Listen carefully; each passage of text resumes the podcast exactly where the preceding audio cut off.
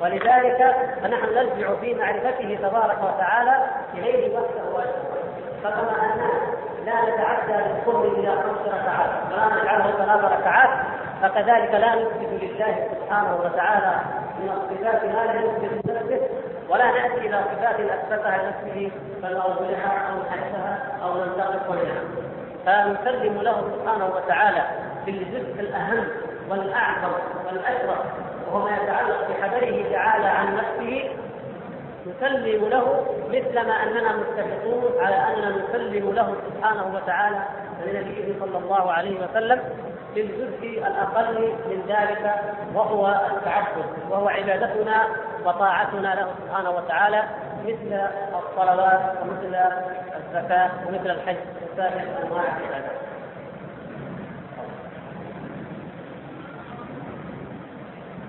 بسم الله الرحمن الرحيم وقد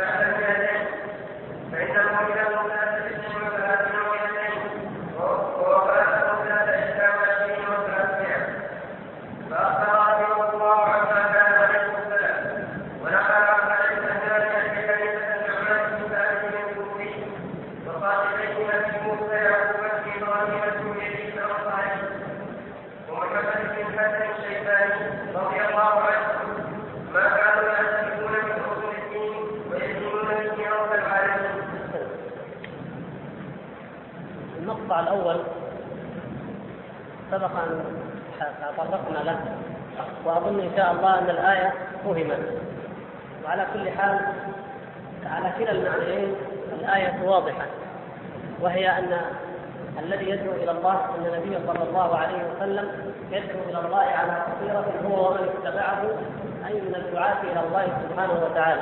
فهم أتباع له في دعوته إلى الله وأتباع له في كونهم يدعون إلى الله على بصيرة أيضا. ثم يقول المؤلف وقد بلغ الرسول صلى الله عليه وسلم البلاغ المبين وأوضح الحجة. هذا البلاغ لا يصح فيه أحد. لو شك أحد أن النبي صلى الله عليه وسلم قد غش أو خان في البلاغ أو انتقص شيئا منه لكان كافرا مرتدا وهذه القضية بديهية ومعلومة عند جميع المسلمين لكن لا يجب أن نرتبه عليها وأن نجعله من لوازمها يخفى على كثير من المسلمين. فإذا آمنا وأيقنا أن الرسول صلى الله عليه وسلم قد بلغ الدين كاملا ولم ينتقص منه أي شيء أي شيء. فماذا يترتب على ذلك؟ إذا جاءنا أحد ووضع قواعد نفهم بها بعض الآيات أو بعض الأحاديث ونرد بها البعض الآخر ردا واضحا صريحا. إذا جاءنا واحد أيا كان وجاءنا بإضافات جديدة وأعمال جديدة لم يشرعها النبي صلى الله عليه وسلم وقال هذه من الدين. هذه من حقيقة الدين وهذه يؤجر الله سبحانه وتعالى على من فعلها ويرفع درجته ويثيبه. فمعنى ذلك أن هذا الإنسان يقول بلسان حاله إن لم يقل بلسان مقاله أن ما جاء به النبي صلى الله عليه وسلم ناقص وأنه لم يبلغ ولم ولم يؤدي الأمانة التي وكلت إليه وحاشاه صلى الله عليه وسلم من ذلك. لكن هذه هي حقيقة قوله. ومن ذلك التأويل. الذي سيذكره المؤلف بعد قليل. إن الذين وضعوا قواعد التأويل متفقون ومطبقون ومجمعون على أن هذا التأويل لم يعرفه النبي صلى الله عليه وسلم ولم يعرفه الصحابة. يوافقون على ذلك ولا يخالفون فيه. ثم يأتون ويقولون هذا من أصول الدين التي يجب أن نتمسك بها ونضعها قاعدة ونرد بها كثير من النصوص أو نحرف معاني كثير من الآيات لأنها قاعدة ضرورية. كيف تقولون إنه من أصول الدين؟ مع قولكم إن النبي صلى الله عليه وسلم لم يذكره ولم يتعرض له ولم يأتي به، إذا ما بلغ؟ إذا ما بلغ. إذا لازم كلامكم أن صلى الله عليه وسلم ما بلغ. فقد خان الأمانة والرسالة. عياذا بالله. فلذلك نفهم أهمية أننا نركز قضايا العقيدة. كل قضايا العقيدة المشكلة أو التي خالفت فيها الفرق نرتبها نحن ونرجعها إلى القضايا المحكمة القضايا البدنية المحكمة. ولذلك قال بعض العلماء الشيخ محمد عبد الوهاب رحمه الله كشف الشبهات إن العامي الموحد يغلب الغلب من المشركين أو من أصحاب البدع. لماذا؟ لأنه وإن كان عاميا وإن كان علمه محدودا لكنه يرجع القضايا المشتبهه الشائكة التي يخوض فيها العلماء قد لا يستطيع أن يخوض فيها يرجعها إلى قضايا واضحة. إلى أصول محكمة وضوابط مقعدة محكمة. فنرد المتشابهات أو المشكلات إلى المحكم الواضح الجلي فإن جاء أحد قال أول هذه ونترك هذه عندنا كلمة عامة ونقول ما أثبته الله لنفسه أو أثبته له النبي صلى الله عليه وسلم آمنا به. انتهينا. كلام واضح وقاعدة عامة لا إشكال فيها. وهكذا. فمن جاءنا وقال هذه زيادة نعمل هذا العمل؟ ما عمله الصحابه رضي الله تعالى عنهم ولا النبي صلى الله عليه وسلم الجواب عليه بسيط جدا. يقول ما دام لم يعمل فهو ليس من الدين ولا أجر فيه ولا ثواب بل فيه العقوبة والرد. من أحدث في أمرنا هذا ما ليس منه فهو رد. وهذا ينطبق على ما وضع من قواعد علم الكلام وينطبق على البدع العملية والفرعيه وكل بدعة ابتدعت. فهي داخلة فيما أحدث بعد النبي صلى الله عليه وسلم. ولكن الافتراق قد وقع. والحديث أيها الإخوة الحديث عن افتراق هذه الأمة وعن أسباب افتراق هذه الأمة يقول والحقيقة إنه لا مانع من التعرض له باستفاضه وإن كان فيه إطالة عن بعض الموضوعات في الكتاب ولكن كل ما نقرأه في هذا الكتاب ومن كتب العقيدة إنما هو نتيجة لهذا التفرق أو رد على الذين تفرقوا واختلفوا في الكتاب. ومن هنا نعرف اهميه موضوع التفرق. ولماذا تفرقت هذه الأمة؟ هل كان في عهد النبي صلى الله عليه وسلم معتزلة ومبتدئة وخوارج من الصحابة؟ ما كان هذا. كيف تفرقت الأمة؟ وكيف ظهرت هذه البدع؟ هذه يجب أن نعرفها جميعا. والحديث الذي ذكره النبي صلى الله عليه وسلم في ألفاظ كثيرة وإن كان بعضهم يطعن فيه لأنه ليس في الصحيحين ولكنه ورد في المسند ورواه ابن أبي عاصم وورد في السنن في روايات كثيرة إن هذه الأمة تفترق على 73 فرقة كلها في النار إلا واحدة. وبعضها يذكر إن اليهود افترقت على 71 فرقة والنصارى افترقت على 72 فرقة وهذه الأمة تفترق على 73 فرقة. وبعضها لا يذكر الزيادة كلها في النار إلا واحد وبعض الروايات يذكر زياده آه، آه، الطائفة الناجية صفة الطائفة الناجية وأنها ما أنا عليه واصحابي الشاهد أن مجموع الروايات يدل على صحه الحديث حتى أن بعضهم عده من الأحاديث المتواترة مع أنه ليس في أحد الصحيحين. لكن الافتراق في ذاته ثابت وواضح من أدلة قطعية غير هذه الألفاظ وغير هذه الروايات التي وردت في الحديث الافتراق. نحن نعلم جميعا أن اليهود والنصارى افترقوا إلى حد الاقتتال وأنهم كما قال الله سبحانه وتعالى ولو شاء الله لاقتتل الذين من بعدهم من بعد ما جاءتهم البينات ولكن اختلفوا فمنهم من آمن ومنهم من كفر. فهم اختلفوا وتفرقوا بغيا بينهم. فلما نسوا حظا مما ذكروا به؟ أغرينا بينهم العداوة والبغضاء. ونسوا حظا مما ذكروا به؟ فأغرينا بينهم العداوة والبغضاء. أخبرنا الله تعالى أن اليهود والنصارى اختلفوا. وأخبرنا في هذه الآية من سورة المائدة أن سبب اختلاف اليهود سبب اختلاف النصارى أنهم نسوا حظا مما ذكروا ولو أخذنا هذه القاعده هذه القضية هذه الكلمة جملة أو كلمة قرآنية تفسر لنا كثيرا جدا من اسباب وقوع الخلاف بين المسلمين. ولو أضربنا الأمثلة عليها لقال بين النقاط كيف أنهم لما نسوا حظا مما ذكروا به؟ وقعت العداوة والبغضاء. أظهر الله سبحانه وتعالى بينهم العداوة والبغضاء لما نسوا حظا مما ذكروا كيف نطبق هذه الجملة القرآنية على هذه الأمة؟ ونعرف لماذا اختلفت هذه الأمة. من الحظ الذي ذكرنا به آيات الوعيد وأحاديث الوعيد. ذكرنا الله تبارك وتعالى ورسوله صلى الله عليه وسلم بآيات في الوعيد لمن قتل ومن زنى ولمن سرق والذين لا يدعون مع الله إلها آخر ولا يقتلون النفس التي حرم الله إلا بالحق ولا يزنون ومن يفعل ذلك يلقى أثاما يضاعف له العذاب يوم القيامة ويخلد فيه مهانا هذه من آيات الوعيد. والقتل والزنا هذه متوعد عليها. وجاء النبي صلى الله عليه وسلم فقال لا يزني الزاني حين يزني وهو مؤمن. إلى آخر الحديث. وجاء في الحديث الآخر لا يؤمن احدكم حتى يحب لأخيه ما يحب نفسه وهكذا أحاديث كثيرة في مقام الوعيد. آيات احاديث في مقام الوعيد. فجاءت الخوارج فأخذت حظا مما ذكروا به.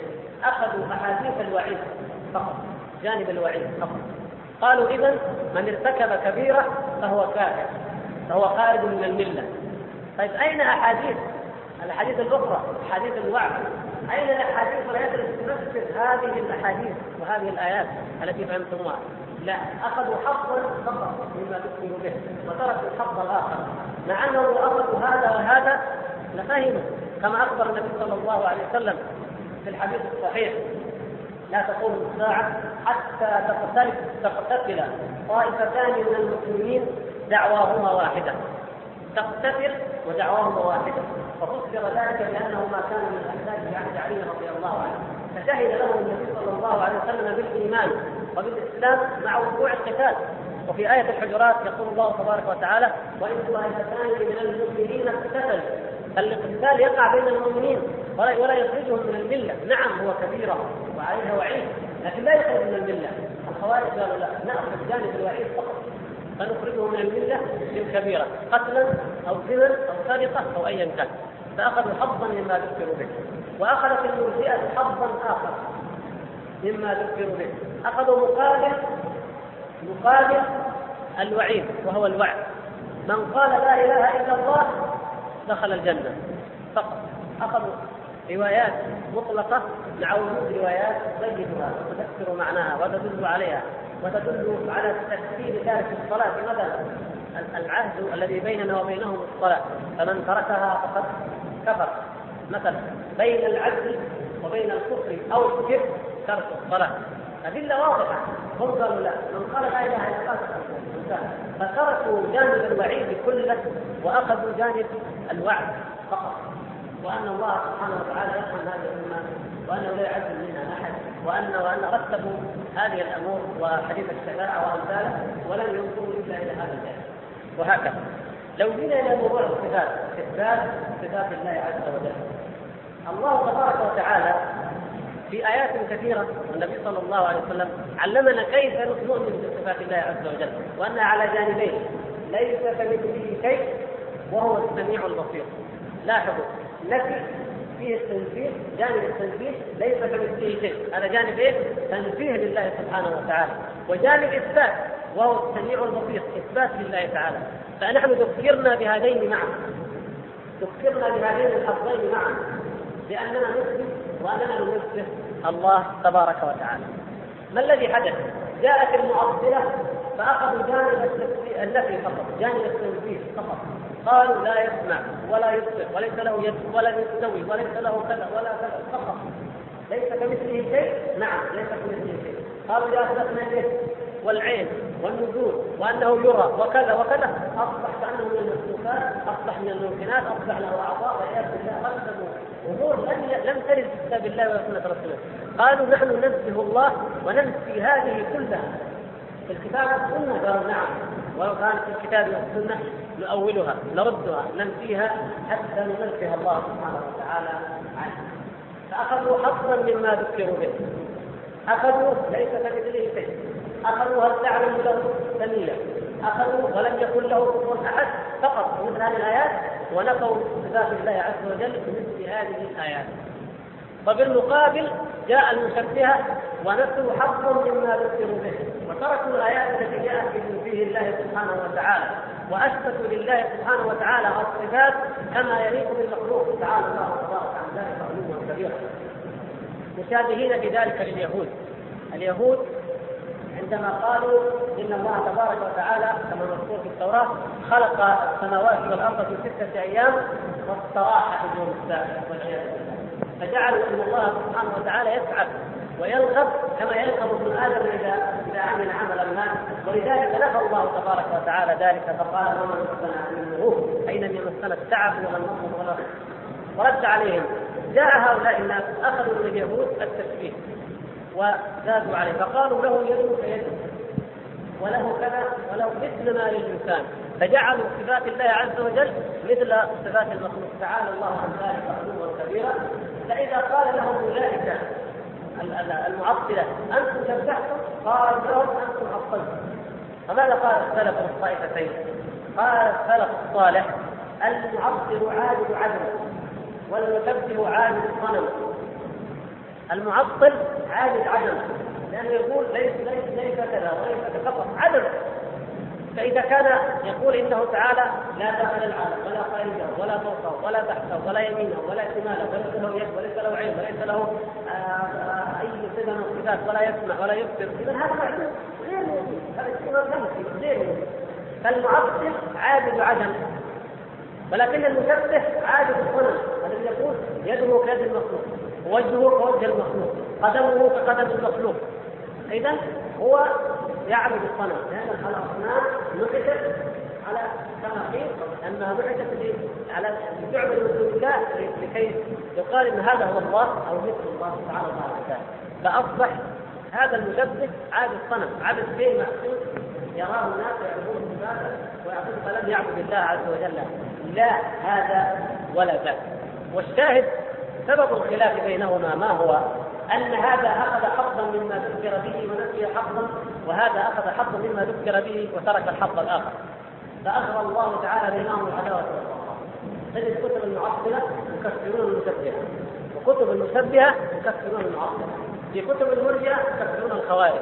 في كتب الخوارج يكفرون المرجئة أغرى الله تبارك وتعالى بينهم العداوة والبغضاء إذا هذا أحد أسباب الاختلاف وهو من أعظم أسباب الاختلاف أن لا يؤخذ الكتاب كله وأن لا يتلقى العلم والدين كله من عند الله ومن عند رسول الله صلى الله عليه وسلم.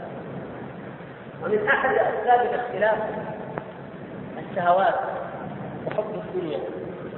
فإن حب الدنيا لما دخل حب الدنيا يا إخوان يفسد النية يفسد الإرادة إرادة القلب ونية القلب.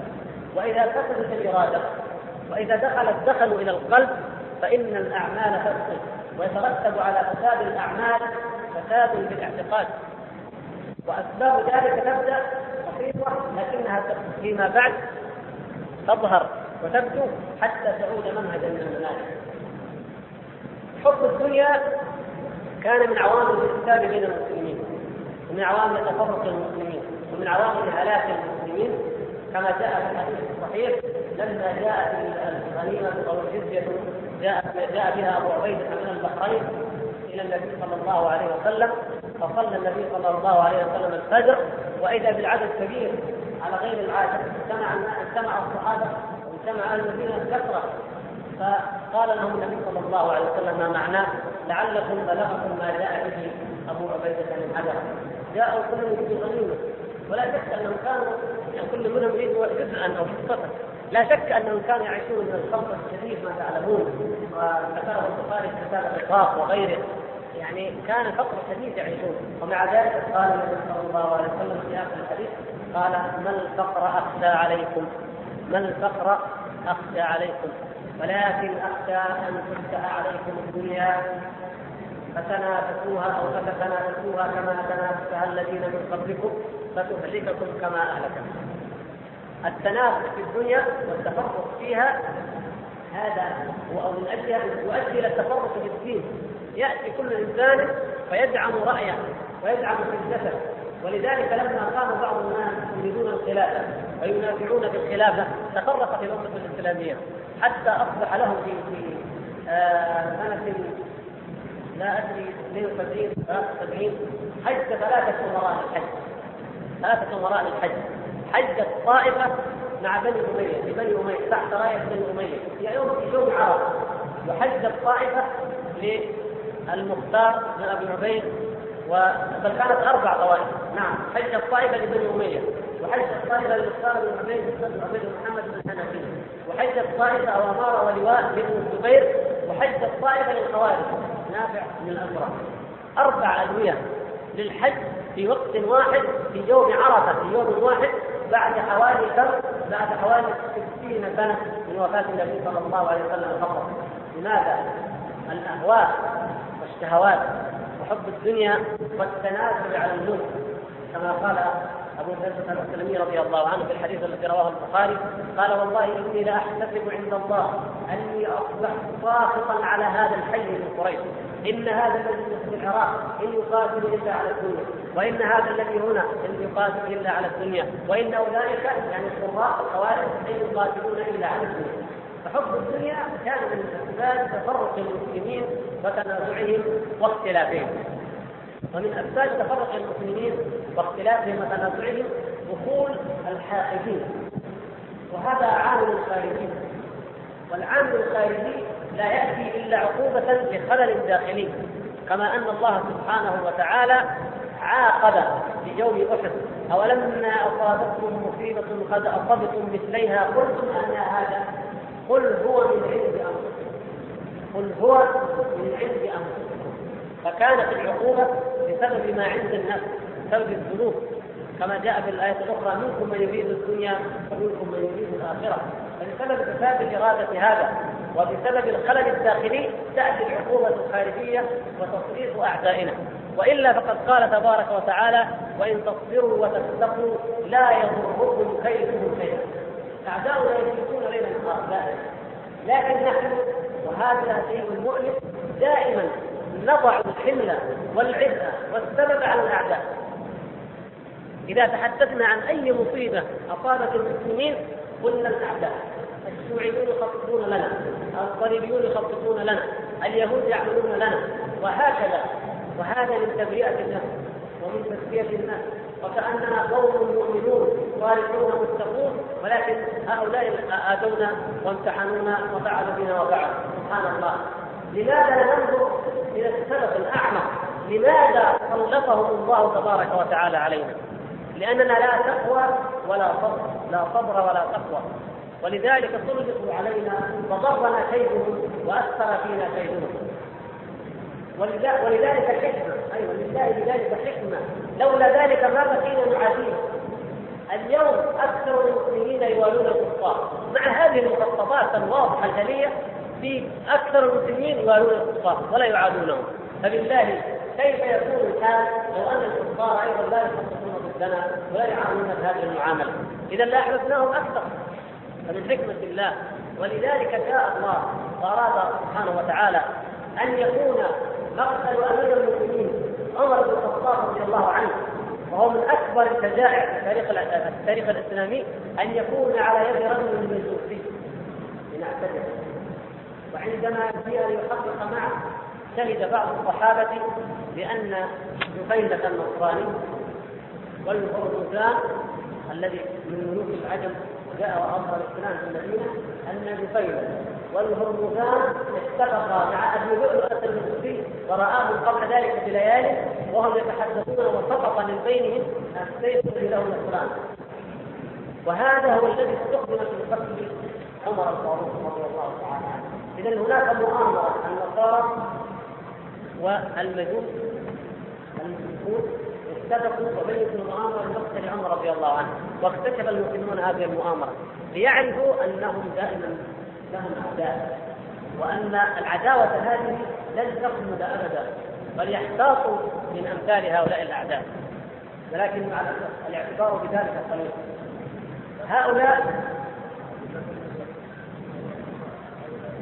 نعم واليهود اليهود وضعوا السنة للنبي صلى الله عليه وسلم في الشاة كما كان في الحديث الصحيح الشاة المسمومه التي أكل منها النبي صلى الله عليه وسلم حتى قال قال في القراءة إنها مسمومه انطقها الله النبي صلى الله عليه وسلم. وهم أعدى أعداء الإسلام كما قال الله تبارك وتعالى لتجدن لتجدن أشد الناس عداوة للذين آمنوا اليهود والذين اكرموا بالدرجة الأولى. كان هناك التخطيط من اليهود ومن المجوس ومن النصارى على تفريق المسلمين. ولذلك جاء اليهودي عبد الله بن سبأ وأثار الفتنة على عثمان رضي الله عنه ليكمل الدور الذي قام به أبو لؤلؤه المجوسي عليه.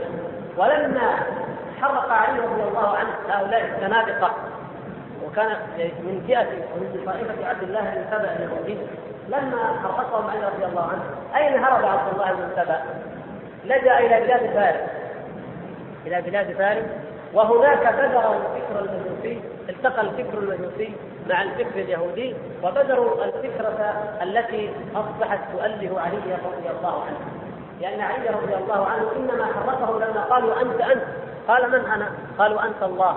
فقال رضي الله عنه لما رأيت الأمر أمرا منكرا أجدت ناري ودعوت قنبرة مولاه قال أوقد لهم النيران فأحرقوهم. كيف بشر مثلكم؟ يقولون إنه هو الله. فلما هرب عبد الله بن سبأ إلى أرض فارس بذر هذه الفكرة في نصوص العجم وأوجد الدين السبعي الذي ما يزال قائما حتى الآن. هذا الذي يقوم على تأليه علي رضي الله عنه وتأليه ذريته من بعد. إذا من أسباب تفرق المسلمين ومن أسباب ظهور هذه الفرق هذا المكر اليهودي وهذا المكر اليهودي النصراني والمسيحي. فهؤلاء يفرقون ولما ظهرت هذه الطائفة ظهر منها طوائف كثيرة. سنأتي على ذكر بعضها عندما يتحدث المؤلف رحمه الله عن التأويل. وسنأتي أيضا نتعرف لهذه الطائفة وغيرها عندما يأتي إن شاء الله تعالى الحديث عن الصحابة. وما يليق في حق الصحابة وما يجب اعتقاده في حق الصحابة رضوان الله تعالى عليهم. والشاهد الآن أن أن نعرف أن من أسباب تفرق المسلمين تخطيط أعدائهم. ولذلك المغرور والمخدوع من يظن أن هذه الطوائف الحاقدة التي أنشأها أعداء الإسلام وبذروها ببلاد المسلمين وفرقوا بها صف المسلمين أنها يمكن أن تحب الإسلام والمسلمين أو يمكن أن توالي الإسلام والمسلمين. لا يمكن هذا ابدا لأنها قامت على الحقد وبه تتغذى دائما. ولذلك تجد أن كل دين أو كل كل ملة له مبادئ يقوم عليها له دعوة يذكرها. وهذه المبادئ تعتمد على فلسفة عقلية أو مذاهب نظرية يضعها أصحاب هذا الدين. إلا الطوائف الطوائف المرتدة المنفكه عن هذه الأمة فإن ما تعتمد عليه في تكونها وفي تركيبها وفي تجميع أفرادها هو مجرد الحقد على الطائفة الكبرى التي هي السنة والجماعة. ليس هناك قضية خاصة عقلية أو بحث نظري مجرد هو الذي جمعها وهو الذي أعطاها منهج وأعطاها قاعدة. لا الذي يجمعها هو العداوة لأهل السنة والجماعة. العداوة لأهل الحق. الحق فيربون أنفسهم وأبنائهم واجيالهم على الحقد على الطائفة الحق التي هي أهل السنة والجماعة أو الطائفة المنصورة التي قال عنها النبي صلى الله عليه وسلم لا تزال طائفة من أمتي ظاهرين على الحق لا يضرهم من خذلهم. وفي الرواية الأخرى لا تزال طائفة من أمتي قائمة بأمر الله لا يضرهم من خذلهم أو خالفهم حتى يأتي أمر الله وهم ظاهرون على الناس. وفي رواية حديث في صحيح مسلم زيادة مهمة أو أو تفسير مهم ولن يبرح هذا الدين قائما يقاتل عليه عصابة من المسلمين. تقاتل عليه ففيها زيادة أن أن هذه الطائفة تجاهد الناس في من أجل الدين من أجل إقامة هذا الدين. وهذا الجهاد مشروع جهاد أهل البدع. مشروع بالأحاديث المتواترة في قتال الخوارج وهم من أهل البدع كما تعلمون. والنبي صلى الله عليه وسلم قال في الحديث الصحيح المتواتر كما قال بعض العلماء لو قال لو أدركتهم لقاتلتهم قتل عاد. لأن هؤلاء الخوارج ابتدعوا في دين الله عز وجل بدعة وجعلوها من دين الله تبارك وتعالى. ومن هنا أخذ العلماء قاعدة عظمى وهي مقاتله أهل البدع. قاعدة عظيمة من قواعد الشرع وهي أن حكم أهل البدع القتال المقاتلة. إذا تحيزوا وأصبحوا طائفة. وأما إذا بقوا في المجتمع فإننا يجب عليهم أن نثبتهم وأن نمنعهم من نشر بدعهم ومن الدعوة إليهم. ولكن نعطيهم أحكام الإسلام كما قال لهم علي رضي الله عنه لما لجوا في جنبات المسجد وقالوا لا حكم إلا لله لا حكم إلا لله فقال إن لكم علينا ألا نمنعكم البيت ولا نمنعكم المساجد. يعني يصلون معنا ويأخذون حصتهم من البيت من بيت المال بيت مال المسلمين. هذا لهم علينا. إلا إذا أحدثوا حدثا. إلا إذا أحدثوا حدثا. أي إذا عملوا عملا يخل بامن المجتمع المسلم وجماعة المسلمين وأحكام أهل البدع طويلة ولعل يأتي بعضها إن شاء الله. لكن الشاهد أن هذه الطائفة المنصورة هي التي مثل ما كان عليه النبي صلى الله عليه وسلم وأصحابه كما ذكرتها رواية الترمذي ما أنا عليه وأصحابي أو ما أنا عليه اليوم وأصحابي. فما كان عليه النبي صلى الله عليه وسلم وأصحابه هم هذه الطائفة. ولما سئل الإمام أحمد عن الطائفة المنصورة قال إن لم يكونوا أهل الحديث فلا أدري من هم. إن لم يكونوا أهل الحديث فلا أدري من هم. ما معنى أهل الحديث إن لم يكونوا أهل الحديث؟ هل الطائفة المنصورة هم الذين يشتغلون بالرجال والأسانيد ونقد المتون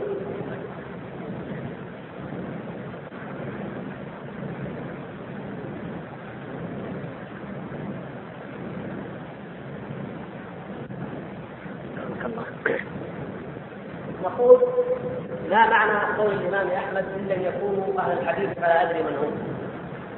أهل الحديث مصطلحان أو لها دلالتان مصطلح علمي ومصطلح شرعي. المصطلح العلمي الفني البحث هو الذين هم الذين يشتغلون بدراسة الحديث الذين يشتغلون بنقد الرجال ونقد النصوص ومعرفتها وتخريجها وبمعرفتها وتخريجها هؤلاء يسمون علماء الحديث كما نقول علماء النحو وعلماء البلاغة وعلماء اللغة وعلماء التفسير نقول أهل الحديث أي علماء الحديث بهذا المعنى. نقول أهل اللغة أهل التفسير أهل الحديث. ليس هذا هو المعنى المراد في كلام الإمام أحمد. لأنه يوجد من المحدثين من هم على بدعة خاصه في القرون الأخيرة. ويوجد من المشتغلين بالرجال ونقد الرجال ودراسة الأسانيد من لا يمثل حقيقة عقيدة أهل السنة والجماعة حق التنفيذ. ولا يمثل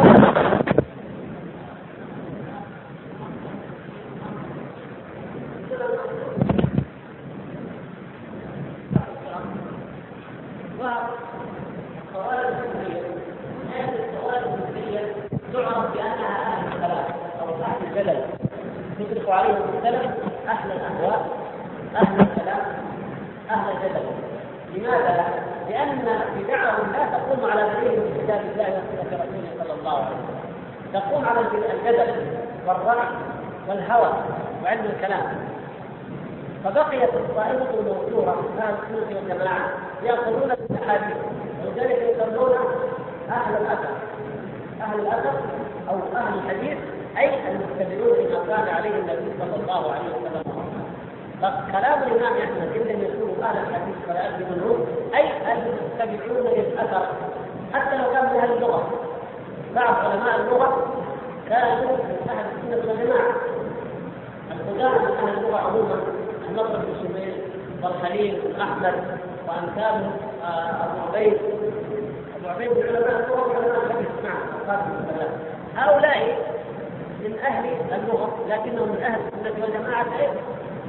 الشعراء من هو من أهل السنة والجماعة وان كان هو شاعر أو انه شاعر وهكذا. أهل الحديث المراد بهم أهل الأثر المستمعون الله عليه وسلم. وعلى هذا نستطيع أن نفهم أن الطائفة المنصورة هي المتبعة لما كان عليه النبي صلى الله عليه وسلم. هذه هي الطائفة الناجية الوحيدة. والمؤلف رحمه الله يقول إن هؤلاء هذه الطائفة قامت بالمجاهدة وقامت بإبلاغ الحجة ونقل ما بلغه صلى الله عليه وسلم نقله إلينا. قامت بنقل إلينا كاملا. يقول وممن قام بذلك. هنا يأتي الشاهد في الكتاب. ممن قام بذلك الإمام أبو جعفر الطحاوي الذي سبقت ترجمته وهو الذي وضع متن العقيدة الطحاوية. فإنه رحمه الله كما قال نقل عقيدة الإمام أبي حنيفة وصاحبيه هذه الإمام أبو جعفر الطحاوي في أول القرن الرابع أو آه، بعد القرون الصلاه لأنه كما قال ولده سنة 39 و200 وفاته سنة 311 ففي اول القرن الرابع 319 هذا هو ناقل ناقل جاء لعقيده السلف ونقلها. وبالذات نقل عقيدة الإمام أبي حنيفة وابن فهو ناقل شيخ الإسلام ابن تيمية ناقل جامع وناقل وموضح وشارع لما نقل إليه أيضا من التواصل وهكذا كل من يأتي ويتكلم في عقيدة أهل السنة والجماعة إنما هو ينقل كلامه ويشرحه ويوضحه. ولو جاء أحد بشيء من علمه لرددناه كما نرد على أهل البدع ولم نقبله ابدا. لكنه ينقل ينقل كلام السلف ويشرحه فهذا هو طريق السلف وهذا هو طريق أهل الاثر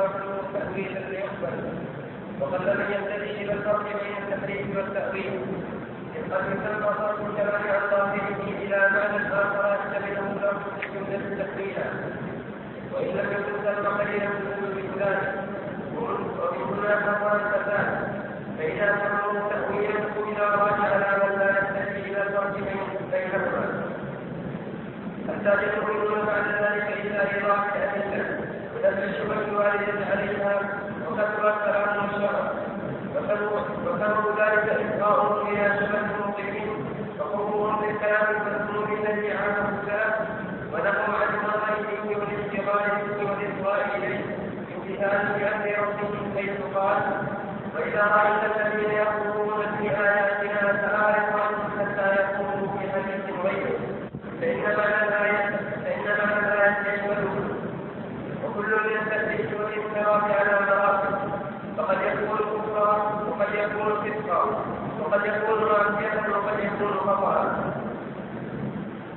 يقول المؤلف رحمه الله كل ما بعد العدد وكثرت الضلالات وكثرت التأويل هو قال كثر التحريف الذي سماه أهل التأويل طيب قد يقال لماذا يكثر التأويل؟ كثر التعطيل كثر التشبيه ضلالات كثر التشبيه كثيرة لماذا كثر التأويل؟ نص عليه حقيقة أن هذا له حكمة لأن التأويل هو أكثر الأصول التي وجدت فيها الشريعة ولماذا كما قال هنا ونوضح ذلك بأن نقول الذين يدركون صفات الله عز وجل المعطلة الذين يدركون دلالات الآيات جملة من الباطنية وأمثالها الذين يدركون كتاب الله عز وجل ضعفه الصح من الرافضة وغيرهم هؤلاء القوم يجاهرون ويعادون لأهل السنة والجماعة بوضوح. ويعادون الأمة الإسلامية وجماعة المسلمين بوضوح. ويعادون الأصول الشرعية بوضوح. يرد الآية يرد الحديث يرد المصدر المختبر من الله فيه يرد فهذا أمر واضح أمر جليل لكن المؤولة أخطأ وكانت جريتهم أكثر لأنه يقول أنا أؤمن بالآية أنا أؤمن بالحديث. ويقول أنا من أهل السنة والجماعة. هكذا يدعي المؤولون نحن السنة والجماعة. لكن نحن نؤول نؤول الآيات. نثبتها نثبت لفظتها لكن نؤولها إلى معنى آخر. لأن اختلف وإذا بأول لكن هذا هو المذهب الصحيح الذي يجب أن يكون. نحن ندافع عن يقولون أخي على طريق الحق. هنا منتصف الشريف. إلى معنى قد يدل عليه لكنه مرجوح بقليل. والتأويلات كثيرة جدا كثيرة جدا وبعضها مخطئ بعضها يدعو يستعجل كيف أن أمة تقبل هذا. لكن حتى نعرف أو نفهم القاعدة التي انطلقوا منها. مثلا بل يداه مبسوطتان بما خلقته بيديه هنا يداه هناك يديه. نقول آه المؤول يقول اول اليد ظاهر اليد ظاهر اليد صفه معروفه نعم. الذين يثبتون ان لله عز وجل يد حقيقية تليق بجلاله سبحانه وتعالى لا نعرف كيفيتها. اللهم له نقول هذا الظاهر نعم نحن مسلمين أن هذا هو ظاهر الله هذا هو الذي يدل عليه. لكن نحن نصرف هذا الظاهر إلى وجه أو احتمال مرجوح. هذا راجع لكن نحن نصرف للمرجوح إيش المرجوح؟ المرجوح أن اليد هي النعمه وأن اليد هي القدره طيب ليش ما دام مرجوح تحرف الكلام عن الراجح المرجوح قالوا لقرينة. هناك قرينة. ما هي القرينة؟ قالوا والقرينه تنزيه الله عز وجل. القواطع العقلية.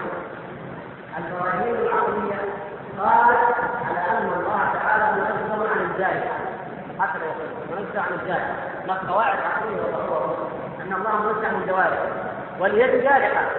فنريد أن ننفيها عن الله فنصرف اللفظة من الاحتمال الظاهر المتبادل الظاهر الذي يعرفه كل من يقرأها إلى احتمال مرجوح إلى قول ضعيف قد قد يقال فيها بوجود هذه القرينة وهي البرهان العقلي البرهان العقلي الذي قال على توحيد الله سبحانه وتعالى طيب من الذي من الذي ينزه الله؟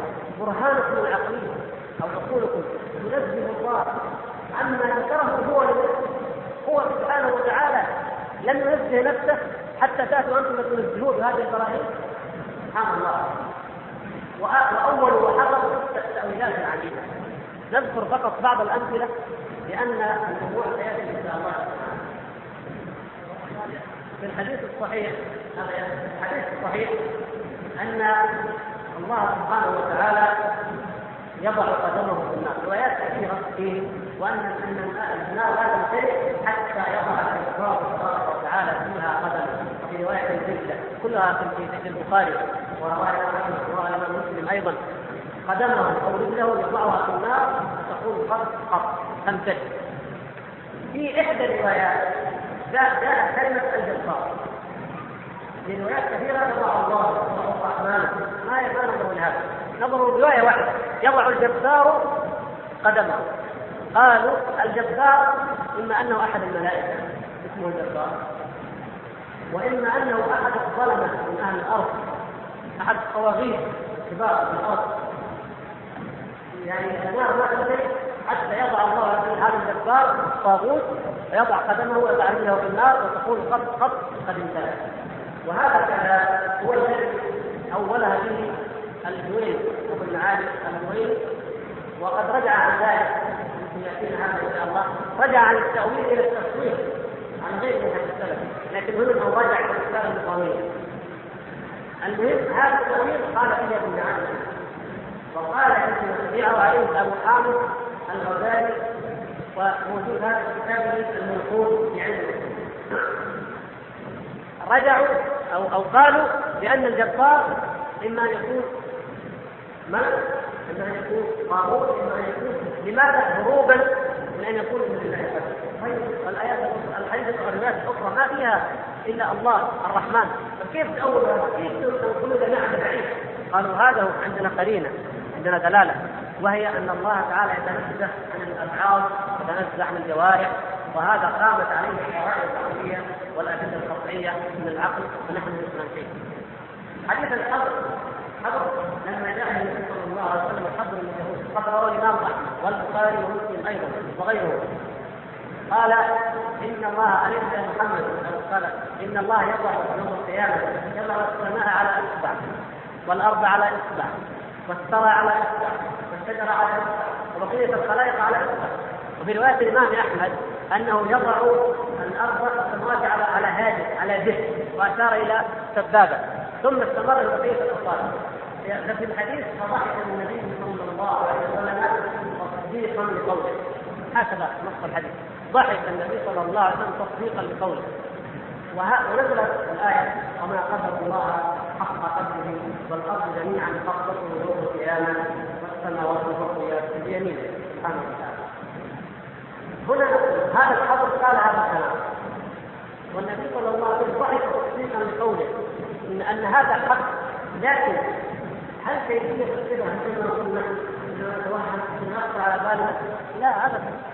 سبحانه وتعالى له من الصفات ما يليق به. كما ان المخلوق ما يليق به.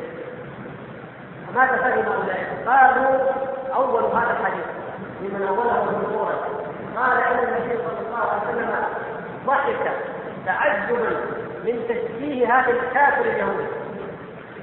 ومن كفر هذا اليهودي الذي يجعل لله اطفالا فضحك النبي صلى الله عليه وسلم تعجبا من كفر هذا الكافر فكيف من أين جئت هذا المعنى؟ وهو تصديقا لقوله كما في الحديث. تأويلات غريبة وليس عليها أي دليل إلا أنهم كما قالوا قامت القواطع العقلية وقامت القرائن الأدلة العقلية على أن هناك قرينة تمنعنا عن أن نقول بظاهر هذا الأمر. ومن الأدلة على إبطال التأويل على بطلان التأويل ما قاله أبو المعالي الجويني ليس بحامد الغزالي. أبو المعالي الجويني رجع عن مذهب الاشعريه فعلى كان هو امامه وألف كتاب سماه الرسالة النظامية. مطبوع ولكنه قليل التداول قال أبو المعالي إني رأيت أو اطلعت فرأيت السلف مطلقين على عدم التأويل. شوفوا كلامه اعتراف بنفسه. رأيت السلف مطلقين على عدم التأويل مع كثرة اهتمامهم بفروع الشريعة. فلما رأيت وما معنى كلامه أنهم قد نظروا إلى الشريعة كاملة وأنهم أكثر منا اهتماما باصول الشريعة وفروعها. ورأيتهم مطلقين على عدم التأويل علمت أن التأويل غير وتركت. وهذا دليل يكفي. هذا هو الدليل الذي نحتج به دائما في رد كل بدعة. أنه لم يكن على عهد النبي صلى الله عليه وسلم. لكن يا إخوان قبل أن ننتقل إلى موضوع آخر غير التأويل ينبغي أن نعرف خطر موضوع التأويل. موضوع التأويل اخطر من توضيح الأسماء والصفات. وإن كانت الأسماء والصفات هي لأنها تتعلق بالله عز وجل وبتوحيد الله فهي ركن مهم وعظيم من ديننا. لكن لا لا يكفي الأمر عند هذا الحد. حتى نعرف خطره ونعلم اننا لو قلنا بالتأويل وسلمنا بمبدأ التأويل لانتقض علينا ديننا كله كله أصوله وفروعه انتقض ديننا كله الأصول والفروع إذا قلنا بالتأويل كيف هذا؟ الرواتب والباطنية من اسباب قيامهم وتعلقهم وتطاولهم انتشار التأويل بين المسلمين. لما نحن قلنا يد الله ومن أول العين ومن أول الاستواء ومن أول من أول القدم من أول من أول كذا قالوا هم طيب نحن من أول كمان لماذا تقولون كما تكلمون ونحن ما نقول كما نشاء يقول الرافضه إن الله تعالى أمر المؤمنين وأمر أصحاب محمد صلى الله عليه وسلم أن يذبحوا عائشة بنت أبي بكر. أمرهم يذبحوا عائشة ولكنهم عصوه وأمروها عليهم واخذوها الجمل وذهبوا بها لاتخاذ امير المؤمنين عليه. معركه هنا الدليل على أنه قال إن الله يأمركم أن تذبحوا بقره البقرة عائشه يا جماعة كيف الكلام كيف تكون عائشه؟ إيش الدليل؟ قالوا سبحان الله. تأويل من أول هذا الكلام من أول الآية. هل يعقل أن الله تعالى هو العظيم الجليل؟ يأمر في القرآن بقرة أن هذه البقرة تمشي على الأرض على هذه لا مسألة أعظم من ذلك لأنه يريد أننا نجتمع على إمرة أمير المؤمنين ونقضي على هذه ال- ال- المرتدة مثل المرتد كما يقولون والعياذ بالله ونقضي عليها ونذبحها فأمرنا أن نذبحها. قالوا أهل السنة طيب هذه لا يدل هذه اليهود هذه بني إسرائيل موسى قال لقوم إن الله يأمركم أن تذبحوا بقرة. قالوا لا الاولى ال- اللفظ لموسى والمراد محمد أي أمة محمد وقت دعائها بعد وفاة محمد. يعني نحن لماذا نقول في التأويل؟ فيأتي مثل هؤلاء ينظمون بالتأويل أولتم؟ ونحن أولنا. قالت الباطنية تعالوا يا لماذا تصلون؟ ولماذا تصومون ولماذا تحجون؟ قالوا هذا ديننا هذه أركان الإسلام. قالوا عجيب ما تفهمون شيء؟ ما تفهمون شيء. هذه أقيم الصلاة صلاة الزكاة نفسك الزوجين هذه مؤولة. هذه الآيات الأول أولها كيف نأولها؟ قالوا صلوات علي وفاطمة والحسن والحسين والإمام في الاستهزاء كيف صلوات؟ تأويل هذا. كيف نعمل التأويل؟ أنتم يعني أكثر المسلمين لما قالوا التأويل تمنعون التأويل بمجرد قيام قرينة عقلية تجعلنا نغير اللفظ عن ظاهره إلى اللفظ المرجوح صح ولا لا؟ المصح. قالوا طيب نحن نؤول هذه الأركان الخمسة لأن هؤلاء الأئمة الخمسة لا بناء على قانون عقلية بناء على خبر يقين. كيف خبر يقين؟ قال الامام الباب الذي في باب الإمام المقصود. المصدر العلمي اليقين عندنا هو الإمام المقصود الذي هو ينقله لنا الباب. فالباب ينقل كلام الإمام والرائع الذي استجاب الينا فنحن نتكلم بيقين قواعد عقليه هل عندنا مصدر إن الإمام هذا ولكن الائمه عندهم معصومون هذا ينقل لنا الكلام عن طريق الباب والباب يعطيه الحجاج والحجاج أو نواب الأمير أو كما يسمونه. هؤلاء يقولون إلينا هذا ان الصلوات الخمس هي هذه الاسماء الخمس طيب والصوم قالوا الصوم ان الواحد يحفظ اسرار الطائفه الطوائف هذه الطوائف الباطنيه التي تسيطر على كثير من بلاد المسلمين وتزيد موضوع الاعداء هذا دينها يا اخوان ومن هنا نرجعها من هنا نرد عليها ليس الخلاف بينه وبينها ما هو في قضايا سياسيه ما هو في قضايا مصلحيه الخلاف بينه وبينه انهم لا يؤمنون بهذا القرآن. يقولون إن الأركان الخمسه هي هذا الصلوات الخمس هي هذا ويقول الصيام أن تحفظ اسرار الطائفة. لا تضيع من البيت لا يطلع سني على كلمه من الكلام الذي يقولوه الائمه والذي يقول في دوام فهذا هو الصيام. والحج أن تقصد الأئمة وتتلقى عنهم وحدهم. ما هو ان تذهب إلى الكعبة؟ هذا حجر مبني. لا. كيف عرفتم هذا؟ من اول هل التأويل حق ولا باطل؟ كلكم تأول أهل السنة يأول. شوف أول موضوع الثلاثة كم يأول؟ فيه إذا قلنا هذا التأويل باطل تأويل الباطنية بقي تأويل الكلام تأويل الفلاسفة قال الفلاسفة إن البعث لا حقيقة له قالوا المسلمون أول شيء البعث الله سبحانه وتعالى والأحاديث الصحيحة فسرت البعث ووضحته أن الله سبحانه وتعالى يحشر الناس يوم القيامة حباتا وراثا غرلا وتبدو منهم الشمس ويكلمهم بكلمه الرحمن أحاديث جلية واضحة بأنه بعث حقيقي معروف. قالوا لا. هذا البعث حشر روحاني. الأرواح فقط فقط لأن العقل ولا العقل تدل على أنه من المحال أن هذه الفكرة بعد أن صارت في الأرض وصارت هباء أنها تعود حي بشرا حيا لكن هذه الأرواح فقط حشر روحاني. ونعيم الجنه نعيم روحاني فقط. ونعيم الجنه نعيم روحاني فقط. كيف تقول هذا الكلام؟ فقط هذا الكلام يكفرهم به المؤولة وغير المؤولة. المسلمون جميعا يكفرون من يقول هذا الكلام وهو كافر حتى المؤولة يوافقون على أن هؤلاء كفار لكن يبغون علينا حجة ما يجب علينا يجدون على المؤولين حجة. قالوا أنتم أنتم أولتم هيئتم أولتم الاستواء أولتم الوجود أولتم كذا. ونحن اول البحث قالوا لا نحن أولنا لقرينة. قالوا طيب عندنا قواعد عقلية. اذا أنتم أولتم قرينه عقلية وهي القواطع العقليه أو والغيوم العقلية. تدل على أن الله تعالى لا يختص بهذه الصفات. وأنه منزه عنها مع انه قالها بنفسه في كتابه عن نفسه وقالها رسوله عن عنه تأولوها تنزلوها عنها.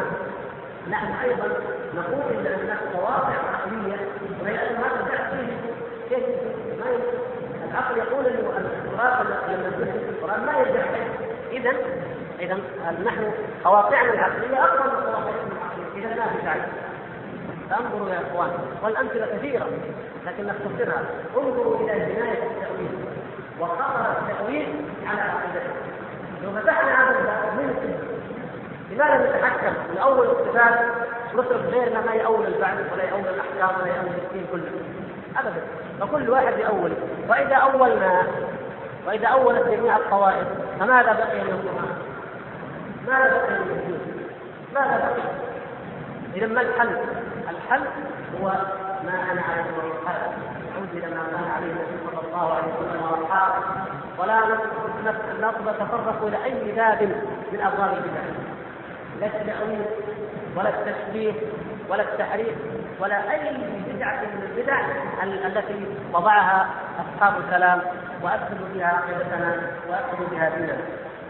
فهذا الذي كما قال المؤلف رحمه الله ان هذا التأويل قبل وراد لما سمي تاويلا والا فهو تحريف فهو زيادة. الله تعالى يقول الرحمن على العرش استوى. ويقول المؤولة الرحمن على العرش استولى. زيادة زيادة. تأويل لكن لا غير المعنى. وإن كانوا لم يغيروا الآية هم لم يكتبوا في الآية لا. لكن إذا شرحوها بهذا المعنى لم يبقى من حقيقة الآية إلا ما هو مكتوب في المصحف.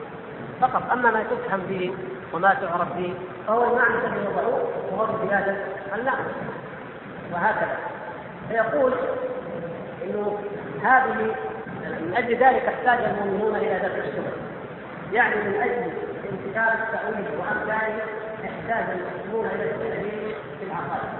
والتأليف تاليفا أي يعني يؤلف تاليفا يرد على هذه العقائد.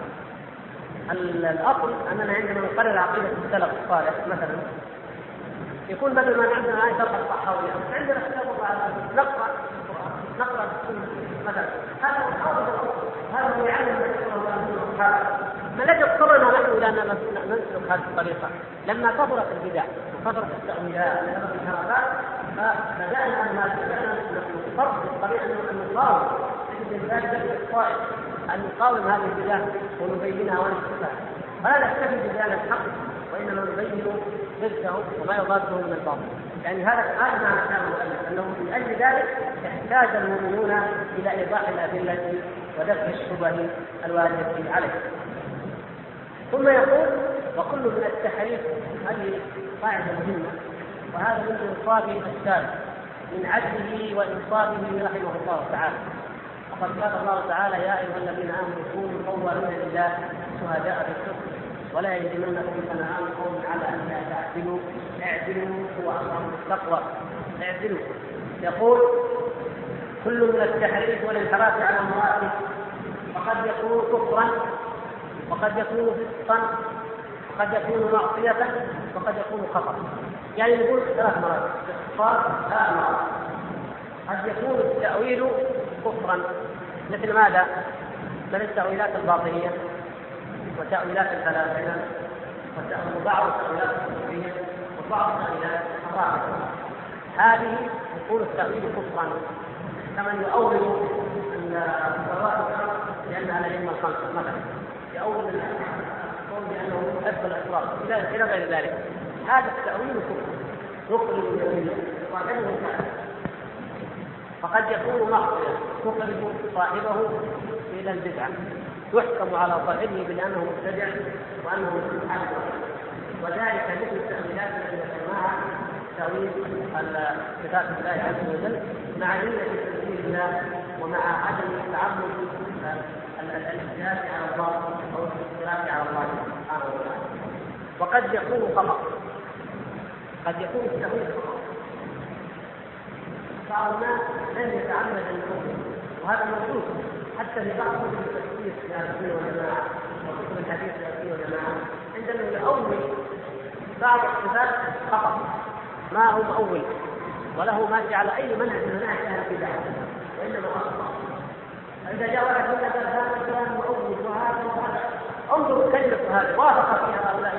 بدا على لا أخطأ في هذا في هذا الموضوع فقال لكلمه يكونها مبتدعه هذا لا يخرج عن قول السنة والجماعة.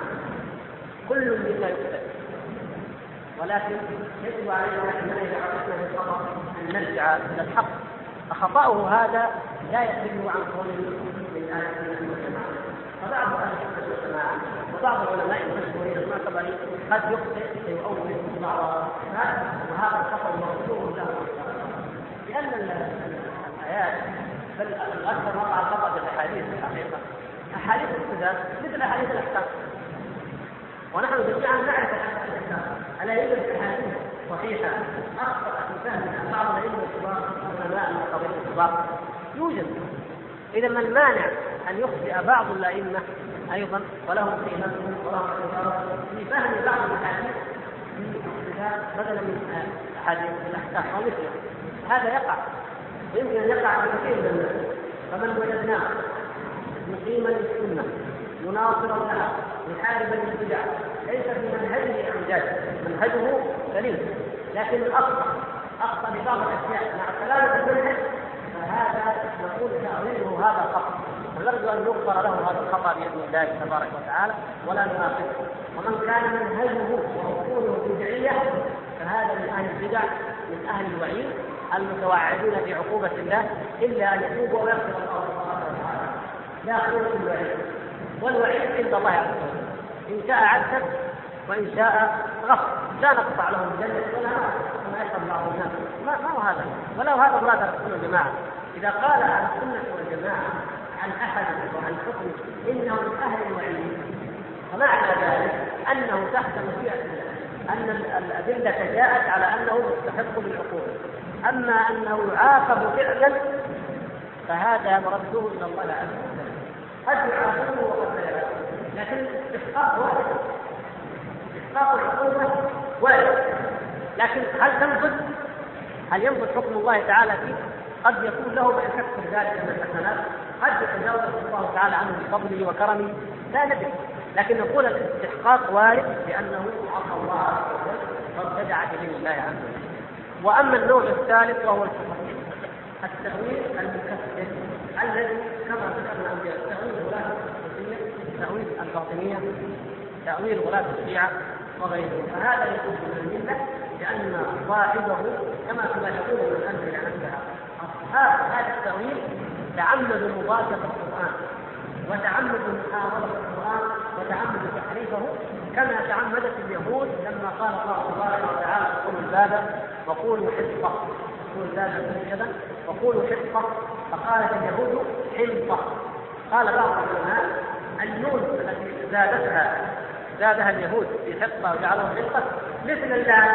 اللام التي زاد بها الاولياء فقالوا استوى استولى هذا وجه الشبه بينهم الذي يفيد أو المحاسه هذا يدخل في النوع المكفر أما الذي يزداد اعتماد الأمور البدعيه مخطئة فهو في باب التاويل المبتدع المذموم المتواعد عليه.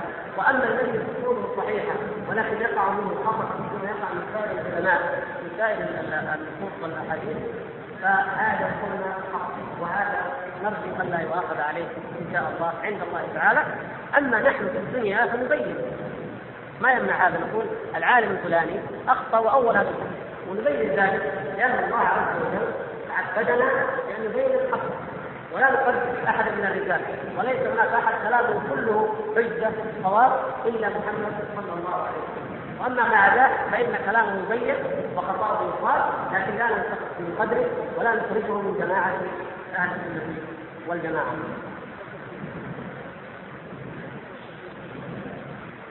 الفسق هو يعني معنى الفسق والمعصية. يعني من أصحاب الوعيد لأن عبرت عنه من أصحاب الوعيد مثل بدعه لا تكون صاحبها فنترك الفرصه للاخوان الذين يريدون أن يتوظفوا ونجمع على علم الاسلام هناك الاسئله وصلى الله عليه وسلم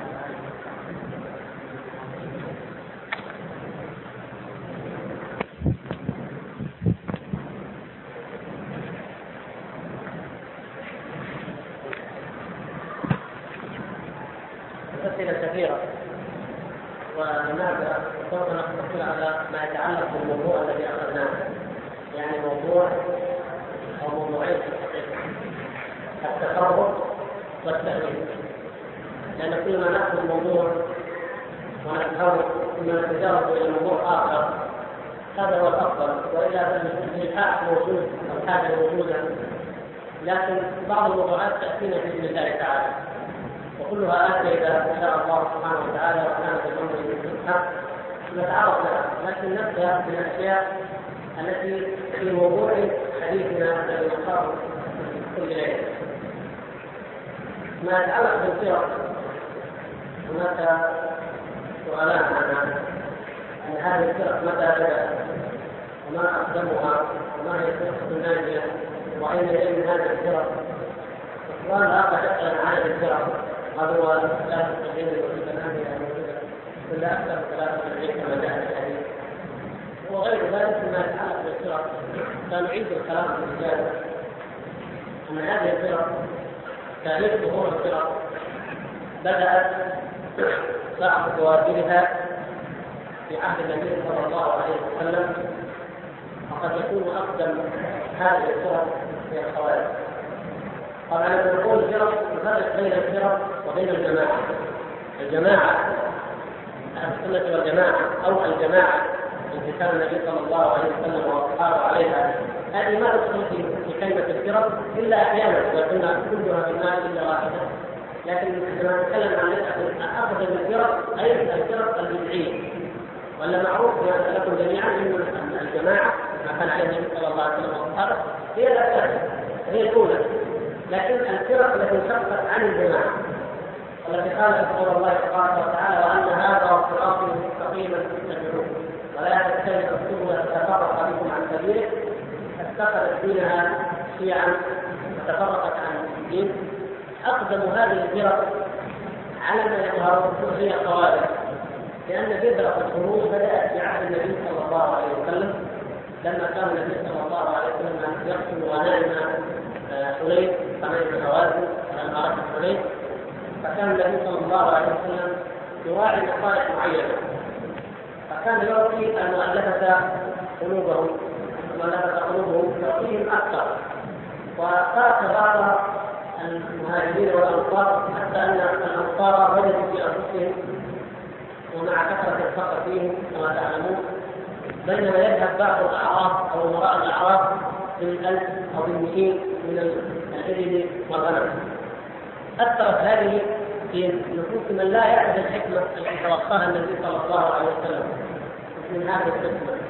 فخرج منه رجل له صفات ورد في الحديث أنه غير العينين حتى الشعر يعني منظر يوحي بأنه إنسان غريب وكأنه النساء حتى في مقهى وفي المباشر فقال اعدل يا محمد إنها لقسمة ما أريد بها رسول الله. والعياذ بالله فاعترض على حكم رسول الله صلى الله عليه وسلم في هذه القسمة فقال له اعدل فقال النبي صلى الله عليه وسلم ويلك ومن يعدل ومن يعدل إلى الآن. نعم. من يعدل؟ إن لم يعدل محمد صلى الله عليه وسلم. لا. هو الذي جاء بالعدل. وهو الذي شرع شريعة العدل صلى الله عليه وسلم.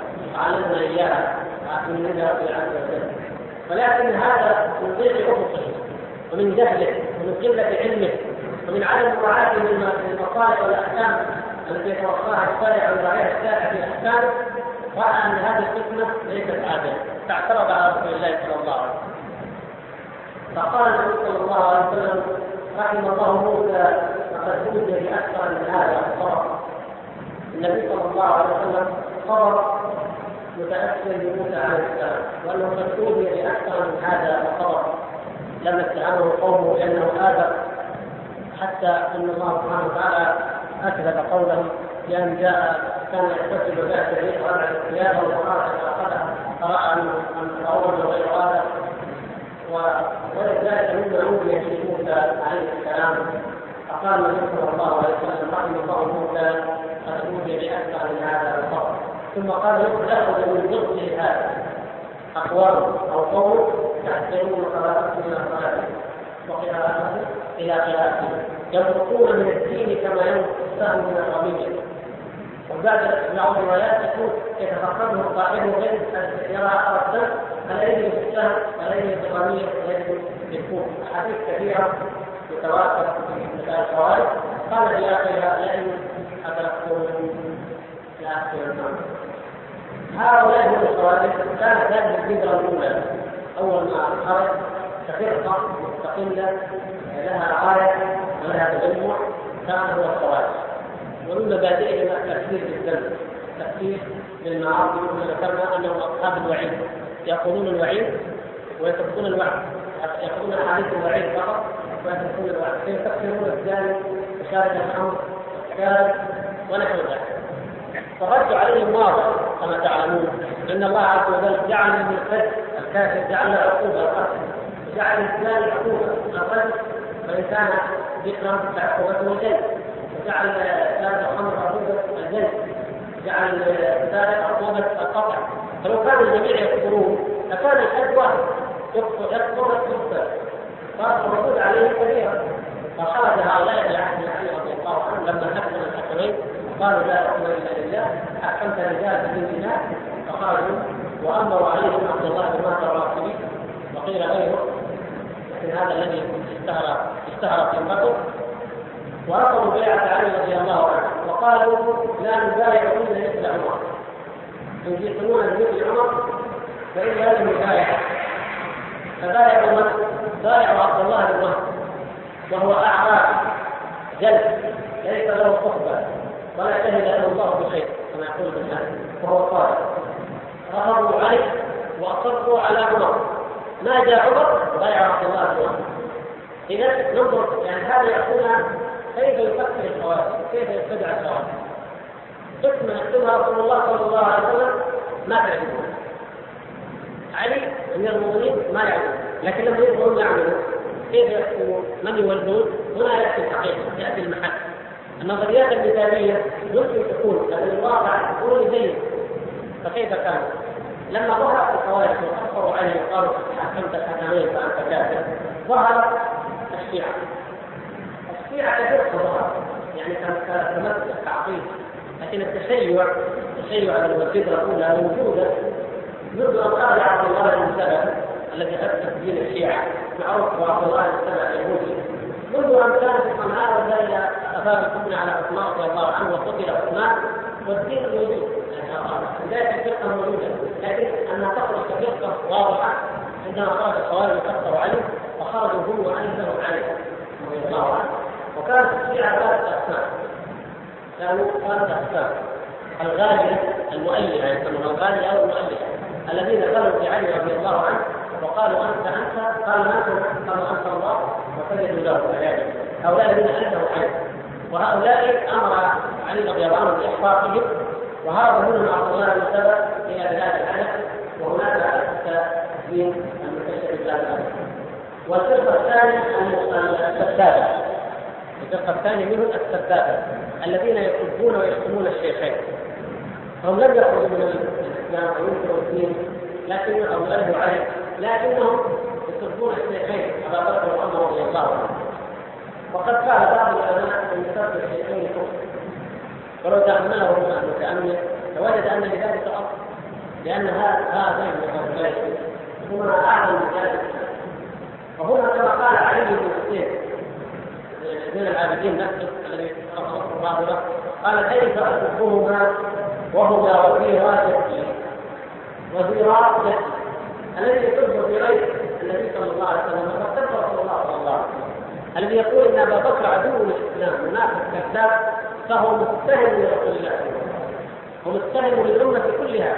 هذا المنافق عدو الاسلام يولى يوليه النبي صلى الله عليه وسلم الصلاة إشارة إلى تولية الإمامة الحمى وصرحت الأحاديث الأخرى بأنه هو الخليفة من بعده صلى الله عليه وسلم لما قال للمرأة حين تريدين تأتي أبا بكر.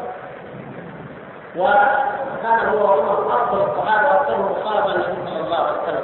فإذا كان هذان كذابين خائنين كما يقول هؤلاء المفترون فالدين كله كذب. وما نقول في السنة والشريعة إلا عن طريق الصحابة وعلى رأسهم أبو بكر. الشاهد أن هذه الفرقة هي الثانية وهي السبابة والفرقة الثالثة هي المفضلة. المفضلة.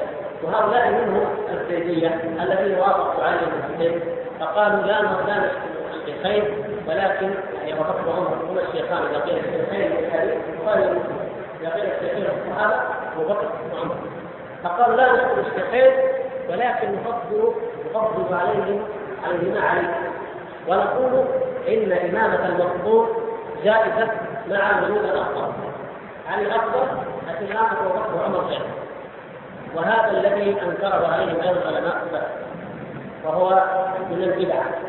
ويكفينا أن هذا بدعة. أنه صح عن علي رضي الله عنه.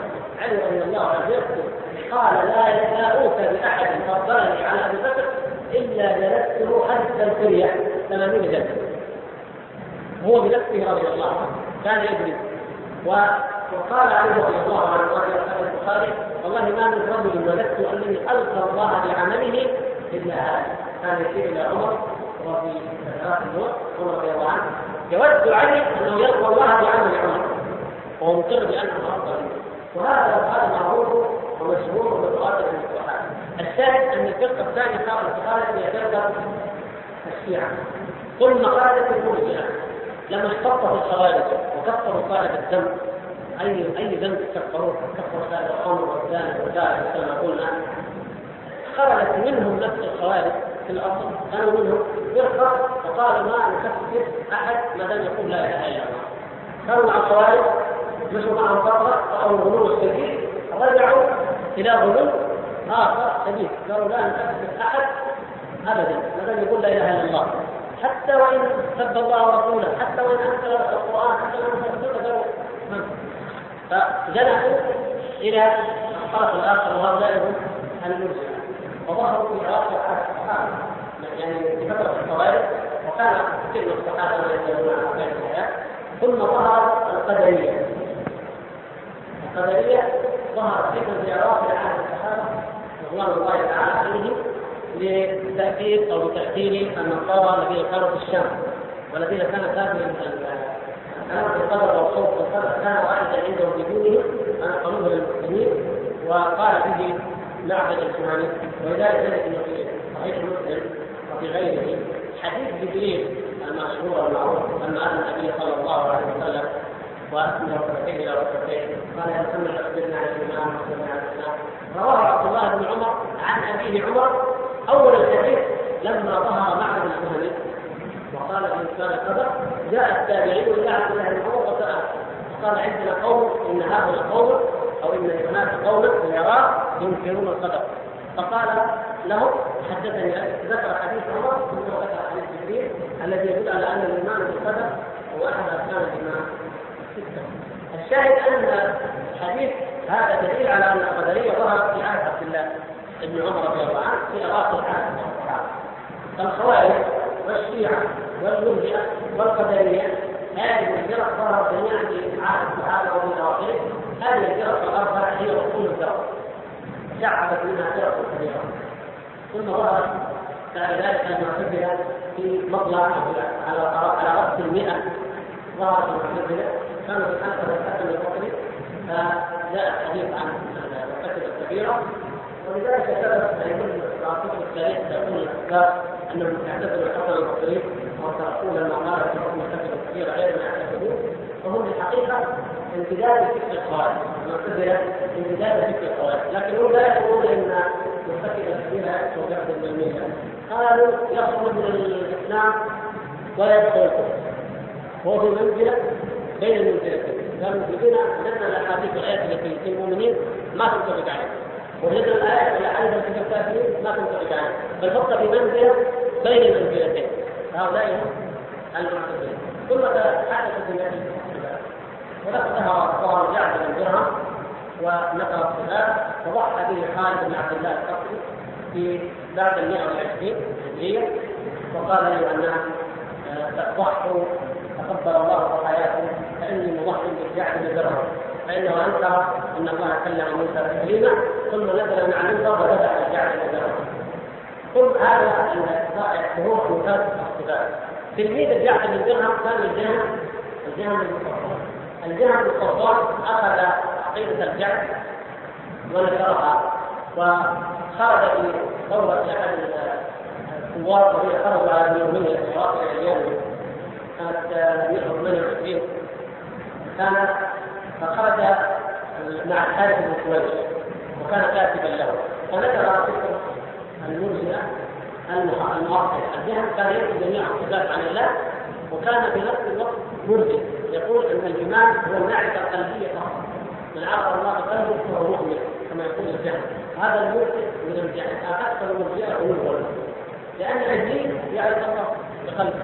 بل بلسانه قال فبعزتك لاغوينهم اجمعين رب بما أغويتني يعرف الله تعرف ان ربك. فهذا يعني اشد انواع الرجال ونفى والأسباب يعني مثلا لماذا هذا؟ كان الإنسان يجادل الجدل بلا علم. يجادل بغير علم. لم ولم العلماء ولم يقرأ كتب العلم ولم كتاب الله إنما كان يجادل. يجادل فقط. فجاءه قوم من الهنود من عباد الكفار هنود لكن عندهم فلسفات وعندهم كلام ملمق فقالوا جينا نناظركم جينا نجادل المسلمين نرى ما عندهم ما عندهم حق من عندهم باطل وهذه ما يخدع بها كثير من الناس. قالوا إذا جاء تجادلنا إيش نقول سبحان الله. هؤلاء كفار هل من الضروره لابد ان نحط العذاب ان إن ما نطيع يعني هل لابد أن اجلس مع كل واجلس اتفهم فيه حتى يدري أن أنا على الصواب هو على باطل. وإلا لا اؤمن به كان معامله هؤلاء الناس. إنهم إما أن تقام عليهم الحجه من العالم المتمكن فإما أن يستجيبوا لها وإما أن يستلغوا وصفهم بلاد الإسلام.